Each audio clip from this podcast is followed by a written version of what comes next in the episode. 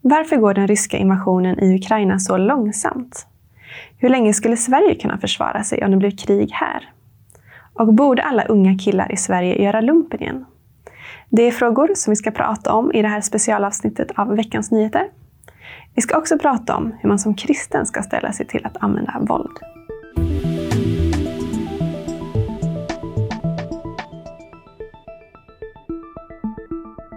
Hej och varmt välkomna till det här avsnittet av Veckans Nyheter. Sven Almqvist hade inte möjlighet att vara med oss idag, men med mig på länk från Rosvik mellan Luleå och Piteå har vi Lars Gyllenhal som är militärhistorisk författare och krönikör i Världen idag. Varmt välkommen! Tack så mycket! Jätteroligt att du kunde vara med oss. Kul att vara här. Eftersom ditt specialområde är just militärhistoria och du dessutom är medförfattare till två böcker som handlar om Rysslands agerande i Ukraina, så tänkte jag att vi skulle fokusera helt på kriget i Ukraina och Sveriges försvarsförmåga idag. Jajamän. Och jag tänkte att vi skulle börja att prata om kriget i Ukraina som faktiskt har pågått exakt en månad idag när vi spelar in det här. Precis. Jag tänkte att vi skulle börja fokusera lite på varför det tycks gå så långsamt. I början av kriget så talades det om att Kiev kunde falla när som helst och nu har det alltså gått fyra veckor och Ryssland har endast intagit utkanterna av Ukraina, vad det ser ut som. Många experter tror att Putin trodde att det skulle ha gått fort, men att han missbedömde sig. Är det en bild som du delar? Jag tycker att det har bara blivit tydligare att han hade en felaktig bild både på sina egna möjligheter och eh, Ukrainas eh, försvarsvilja och förmåga att för, försvara sig. Mm. Men Ryssland är en så mycket större militärmakt än Ukraina. Hur kommer det sig då att det har gått så här långsamt, eller hur man ska se det? Om vi börjar med eh, tidpunkten att köra igång en offensiv mot en avancerad motståndare på vintern så är det ett märkligt valt tillfälle. Eh, man brukar inte köra igång krig på vintern. Det har ju hänt några gånger i historien och ja, det brukar inte sluta bra för angriparen. Sen är det ju så att det alltid är svårt att angripa. Det är lättare att försvara sig. Det är en generell erfarenhet av militärhistorien. Mm.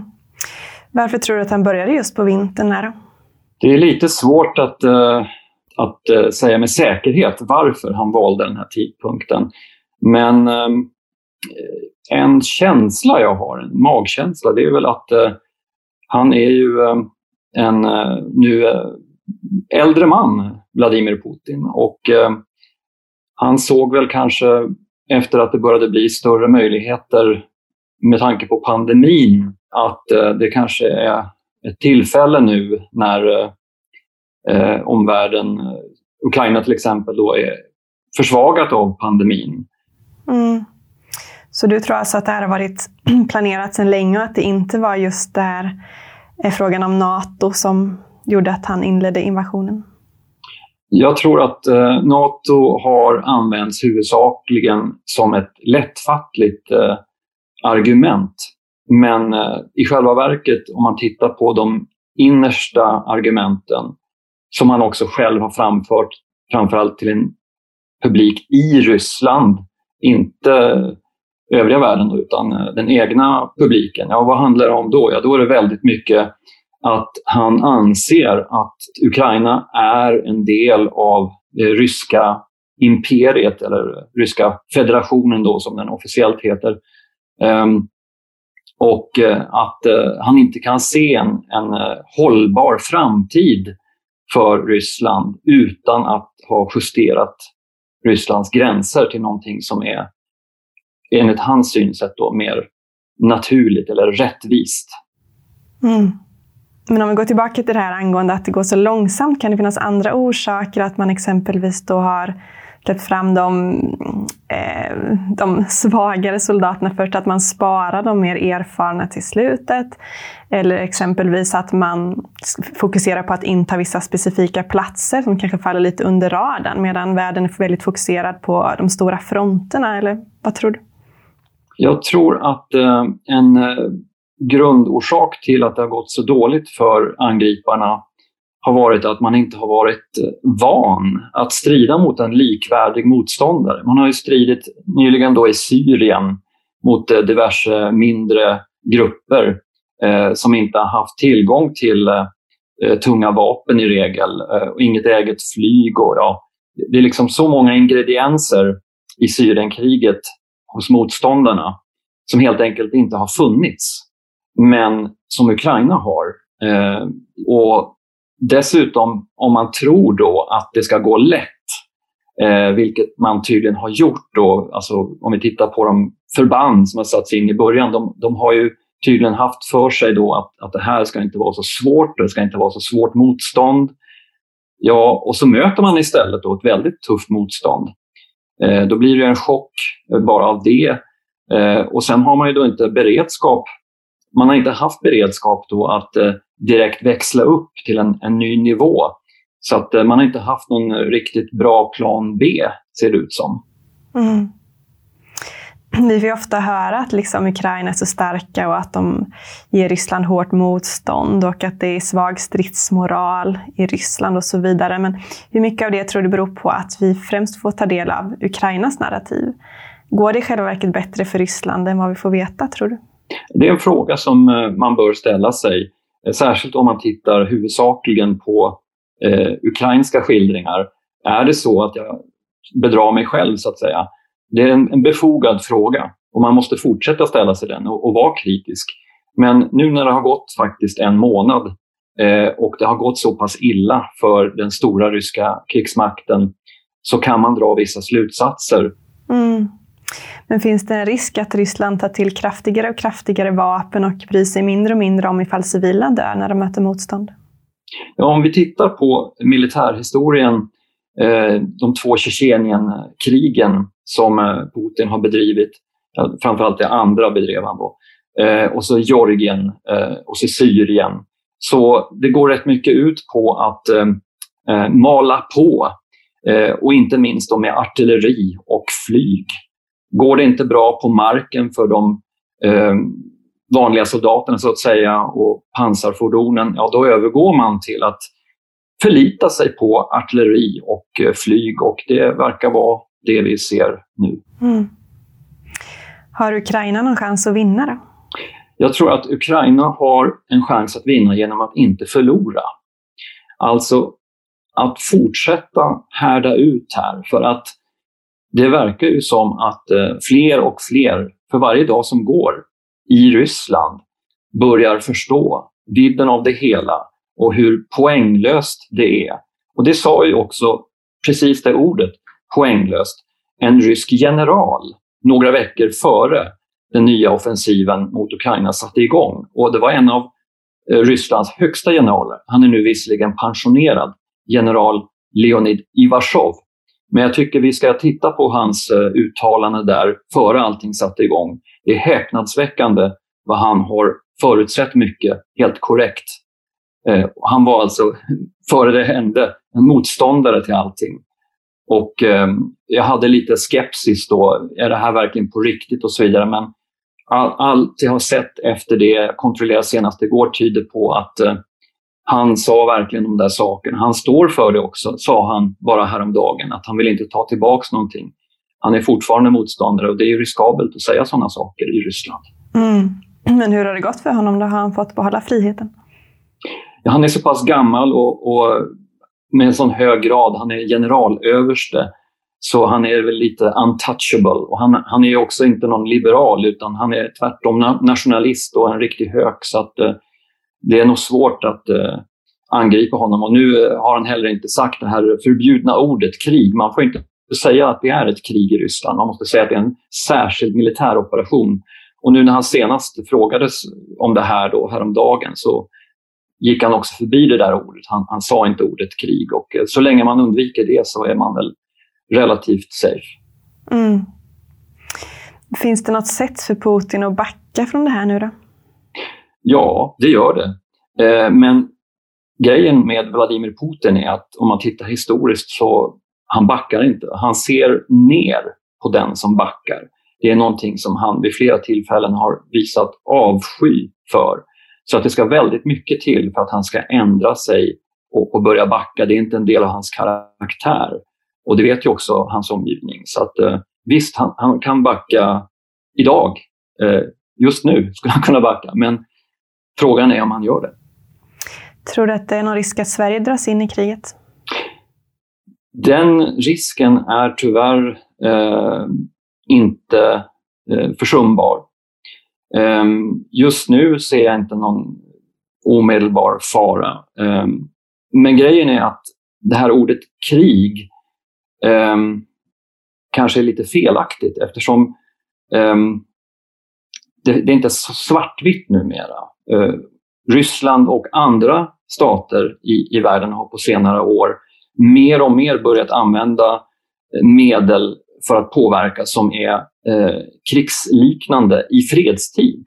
Och senast idag har ju Säkerhetspolisen i Sverige talat om en, en eh, förhöjd aktivitet från främmande makt eh, mot vårt samhälle. Så att eh, vi är ju redan under eh, angrepp i viss mån. Mm. Sveriges riksdag har ju precis här i veckan beslutat att skicka mer vapen till Ukraina. Tror du att Putin kommer straffa det på något sätt? Det är ju många som hjälper. Ehm, så att eh, vi är inte några speciella egentligen. Det, är väldigt många länder som har bidragit med vapen och andra typer. Så att eh, jag vet inte riktigt om, om vi är särskilt utsatta. Vi är dock inte omfattade av någon bindande garanti. Så att eh, det kan ju hända då att vi är lite mer utsatta. Men ja, Mm. Vi ska byta ämne, men hålla oss kvar vid krig och försvar och närmare bestämt prata om den svenska försvarsförmågan. Ja. Sverige rustade under många år ner sitt försvar. Hur kunde det bli så? Jag skulle säga att det fanns en rätt stor politisk enighet att rusta ner.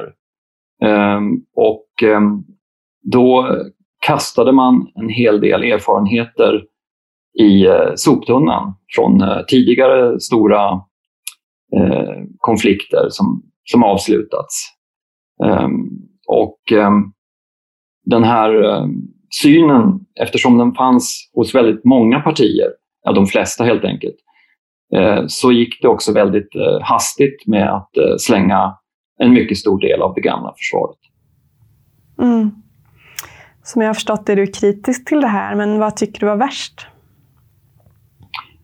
ja, värst eh, var kanske att eh, man separerade på försvaret från övriga samhället. Eh, och det blev ju väldigt tydligt när eh, tidigare moderatledaren Fredrik Reinfeldt pratade om försvaret som ett särintresse. Det var någonting som eh, låg i, i grunden för hur han agerade och många andra partiledare på den tiden. Eh, att man, man såg försvaret som någonting eh, utanför samhället, men det är ju egentligen en grundplåt för samhället. Eh, försvaret är inte någonting annat, utan försvaret är ju vi. Ehm, och nu tänker jag på försvaret som egentligen totalförsvaret, alltså både det militära och civila försvaret. Och det är någonting också som måste verkligen komma tillbaka tycker jag. Vi har pratat väldigt mycket om militära försvaret och inte lika mycket om det civila. Och det är inte alls bra. Mm. Under den här nedmonteringen så sålde man försvarsanläggningar på exempelvis Gotland och man fyllde igen bunkrar. Nu har man köpt tillbaka vissa anläggningar och köpt helt nya. Hur ser du på det här ur ett skattebetalarperspektiv? En del av det förra försvaret, eller totalförsvaret, alltså både militära och civila, var nog eh, skrotfärdigt så att säga. Eh, och en del av, av det hade vi inte haft någon nytta av idag, som fast kustartilleri till exempel. Däremot rörligt kustartilleri, det skulle vi ha behållit eh, allt vi hade kunnat. Ehm, så eh, visst, eh, en del som lades ner behövde vi egentligen inte, men vi borde ha tänkt igenom det där mycket mer och eh, sparat på flera saker, haft i, eh, i malpåse så att man kunde ta fram det nu i mm. behov. Mm. Vid årsskiftet 2012-2013 sa Sveriges dåvarande överbefälhavare att Sverige bara skulle kunna försvara sig i en vecka om vi blev angripna. Hur länge tror du att vi skulle klara oss idag? Sen han yttrade de där orden så har det ju skett flera förbättringar så att, eh, jag tror definitivt att vi skulle kunna freda stora delar av vårt land eh, mot att bli eh, ockuperade under en längre period än så. Men viktigast av allt det är att vi fortsätter upprepa att eh, motståndet, det kommer ju aldrig att sluta. Oavsett hur det går på slagfältet så kommer motståndet aldrig att upphöra. Och alla meddelanden om att det skulle upphöra, de är helt enkelt falska. Och den saken ska vi tänka på ofta och eh, upprepa. Mm. Vi ska gå över till nästa ämne och då handlar det om någonting som är en del av det vi pratade om nyss, nämligen nedmonteringen av värnplikten i Sverige. På 50 och 60-talen var det ungefär 50 000 unga personer som gjorde lumpen varje år. Men år 2010 så avskaffades värnplikten helt och hållet. Nu har den byggts upp till viss del igen, men det är ungefär bara 5 000 personer varje år som gör lumpen. Vad tycker du om det här? Ja, det är för få och det beror främst, skulle jag säga, på att eh, vi är ett rätt stort land i förhållande till befolkningen. Så att eh, av det skälet så behöver fler få militär grundutbildning. Det är bara en fråga om geografi och befolkning. Mm. Ja, förr var det ju i princip alla unga män som inte fick frisedel som tvingades göra det här. Borde vi ha det så igen, tycker du? Jag tror att det kanske inte är nödvändigt med en lika stor värnpliktskull som det var en gång i tiden. Jag, jag tror inte det. Men den exakta nivån, eh, den eh, måste vi nog utreda eh, på nytt med tanke på erfarenheterna från det pågående kriget. Så att eh, vad som egentligen är lämpligast för, för Sverige, det, det kan inte jag svara på här och nu. Utan det, det måste vi nog eh, utreda och utreda snabbt. Mm. Har du själv gjort lumpen? Ja, jag är utbildad på stridsvagn och jag tillhör hemvärnet numera. Mm.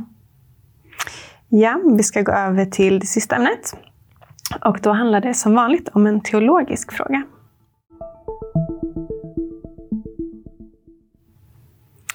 Ja, vi ska prata lite mer om teologi, men jag tänkte att den frågan skulle beröra det som vi har pratat om innan idag, nämligen krig och försvar.